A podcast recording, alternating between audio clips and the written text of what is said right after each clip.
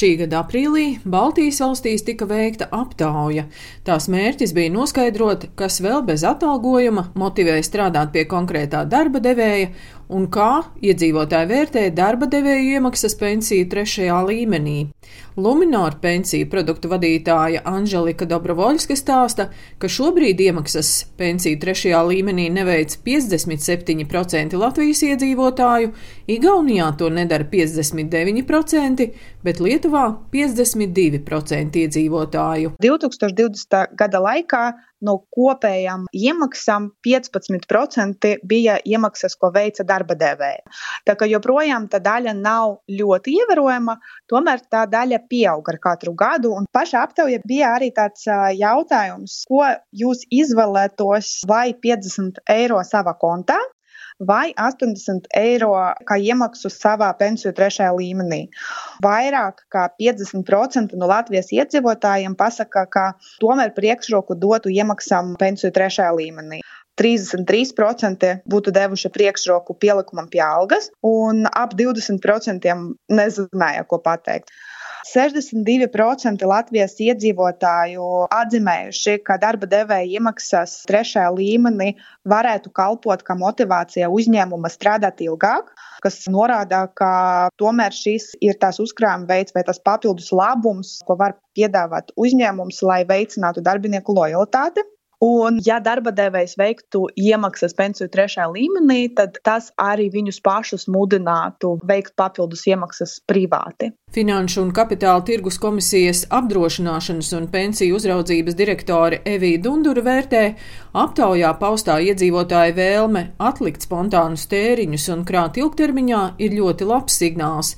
To, ka cilvēki vairāk veido ilgtermiņu uzkrājumus, liecina arī jaunākie statistikas dati. Tiešām priecājos par šī pētījuma rezultātiem. Tas varētu būt tāds izaugsmas potenciāls un iespēja, ka darba devējs motivē šādā veidā ilgtermiņā saglabāt darba attiecības ar savu vērtīgiem darbiniekiem. Nu, jāteic gan, ka šajā netik vienkāršajā laikā, kas ir Covid pandēmijas laiks, uzkrājumi trešā pensiju līmenī ir ne tikai stabilizējušies, bet arī pieauguši. Interesanti salīdzināt šī gada pirmo ceturksni ar pagājušā gada pirmo ceturksni, kad mēs varam pat runāt par 27% pieaugumu kopīgos aktīvos.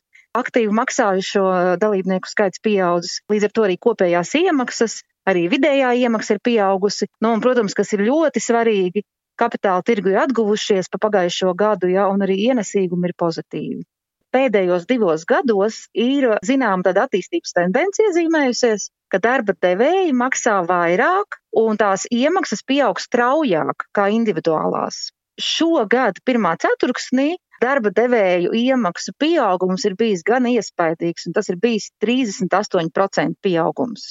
48 eiro vidēji mēnesī uz vienu dalībnieku. Pirmā ceturksnī tie jau ir 20% no visām iemaksām. Latvijas apdrošinātāju asociācijas vadītājs Jānis Abāšins stāsta, ka šobrīd mērens pieaugums ir tikai vienā apdrošināšanas veidā, par 5 līdz 7 procentiem augusi veselības apdrošināšana, bet saglabājas lielas atšķirības starp nozarēm. Ir nozares, kaut vai tās pašas viesmīlības un ēdināšanas nozares un tam līdzīgi. Un ir nozares, kas savukārt arī apdrošināšanas nopērk labākas un nopietnākas nekā tas bija pirms tam.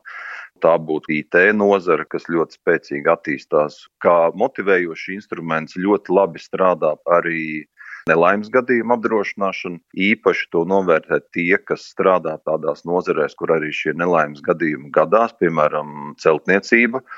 Apdrošināt savus darbiniekus ir tāds labo celtniecības uzņēmumu tonis. Un tad viens tāds apdrošināšanas veids, kas ir labs un būtu vēl populārāks, ja ne pāris izmaiņas nodokļu sistēmā, Tas ir dzīvības apdrošināšana, jo uzkrājošā dzīvības apdrošināšana, kur paralēli tam, ka tu esi apdrošināts pret eh, kaut kādām nelaimēm, tev iet arī paralēli uzkrājums. Šis apdrošināšanas veids ir mazliet gājis mazumā, bet tas ir ne tik daudz Covid dēļ, bet drīzāk tas ir nodokļu dēļ, jo kādreiz, lai saņemtu šīs nodokļu atlaides, bija līguma ilgumam jābūt minimums pieci gadi, bet ar jauno nodokļu sistēmu, ko ieviesa dažus gadus atpakaļ, tiem ir jābūt desmit gadiem. Un ne tik daudzi tos desmit gadus pie viena darba devēja strādāt. Bankas Luminora aptauja liecina, ka labumu grozā, ko darba devēji piedāvā saviem darbiniekiem, darba ņēmēji visvairāk novērtē trīs lietas - veselības apdrošināšanu,